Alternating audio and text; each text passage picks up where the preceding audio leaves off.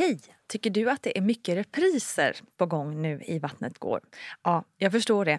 Det beror helt enkelt på att jag, Nina Campioni, just nu har en pop-up second hand i Modgallerian i Stockholm.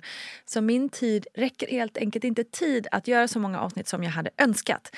Men tills jag är tillbaka på full tid, kom gärna och hälsa på mig i Modgallerian. Vi ses!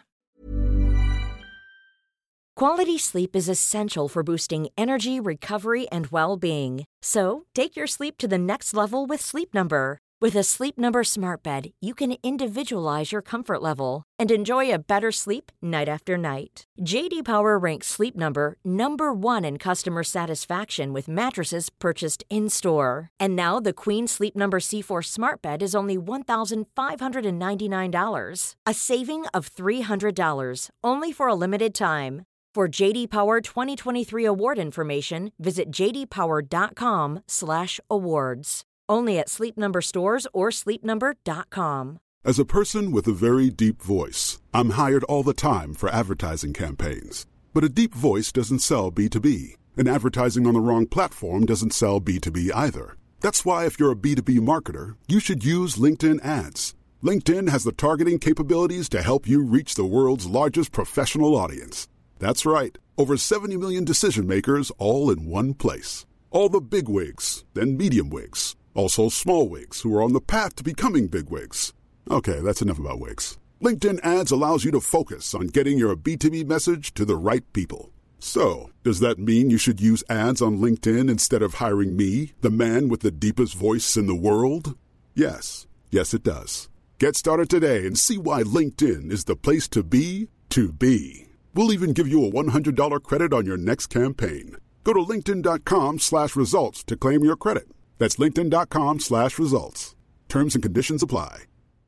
Cool fact a crocodile can't stick out its tongue. Also, you can get health insurance for a month or just under a year in some states. United Healthcare short term insurance plans, underwritten by Golden Rule Insurance Company, offer flexible, budget friendly coverage for you. Learn more at uh1.com. Hey, I'm Ryan Reynolds. Recently, I asked Mint Mobile's legal team if big wireless companies are allowed to raise prices due to inflation. They said yes. And then when I asked if raising prices technically violates those onerous two year contracts, they said, What the f are you talking about, you insane Hollywood ass?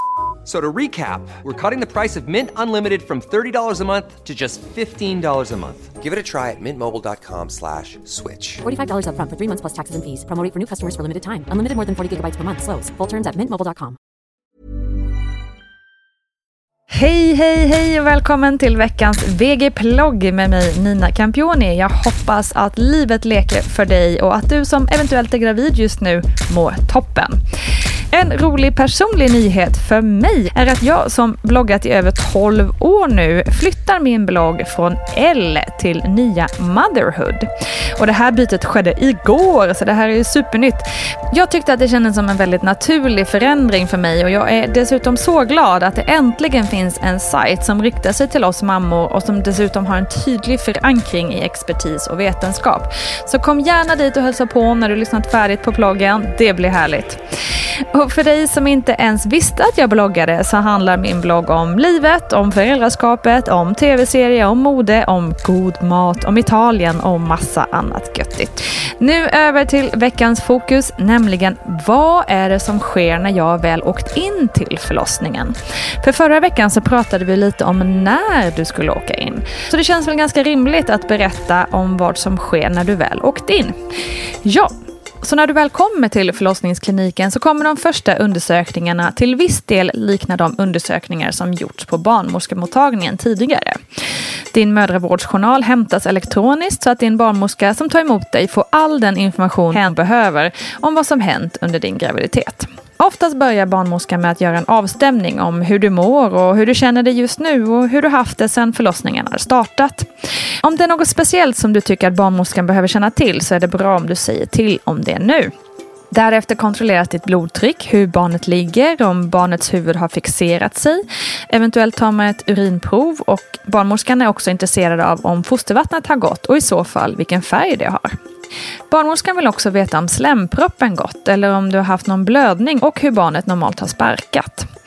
Har du haft en binda på dig så vill barnmorskan gärna se den för att bilda sig en uppfattning om eventuellt fostervatten och eller blödning. Barnmorskan brukar också känna på livmodern när en verk är igång för att få liksom en uppfattning om hur lång verken är och vilken styrka den har och med vilken intervall verkarna kommer. Sen gör barnmorskan också en yttre undersökning med hjälp av sina händer. Hon undersöker då hur barnet ligger, om barnets huvud eller stjärt ligger neråt och hur det ställt in sig i bäckengången.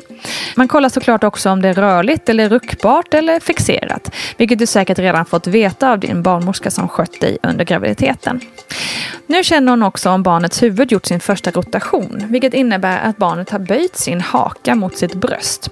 Och barnmorskan vill också gärna veta på vilken sida som barnets smådelar, det vill säga händer och fötter, ligger. Därefter är det också ganska vanligt att barnmorskan gör en inre undersökning eller en så kallad vaginalundersökning. Barnmorskan känner då efter med två fingrar i slidan var i förlossningsarbetet som du befinner dig i. Och vid undersökningen görs en bedömning av hur lång din livmoderhals är. Om den är bihållen eller om den har tunnats ut. Om modermunnen är riktad framåt eller bakåt. Om den är mjuk eller hård och hur mycket den har öppnat sig. Om allt är normalt vid ankomsten så är det inte nödvändigt att omedelbart göra den undersökningen och det är inte ovanligt att kvinnan vill avvakta en stund tills hon känner sig hemmastad. Det är också helt okej okay om kvinnan inte vill göra olika undersökningar. Det är också vanligt att man sätter ett CTG och mäter hjärtljudet både på kvinnan och på bebisen. Och då mäter man också verkarna genom att sätta dopplar på magen med ett spännband. Och nu kommer också ofta den lite jobbiga situationen som många är lite oroliga för då man hört innan att man kan bli hemskickad. Ska man få stanna kvar eller inte? Man brukar utgå från tre kriterier. Har vattnet gått? Är du öppen 3-4 cm? Har du tre verkar på 10 minuter? Och helst vill man då att du ska uppnå två av de tre kriterierna. Sen görs självklart individuella bedömningar från fall till fall. Men har du kommit så här långt och får stanna, ja, då är det dags att föda. Oh my god, så spännande. Vi går in på förlossningens olika faser i nästa plogg tycker jag. Stort varmt välkommen då. Vi hörs snart. Kram på er.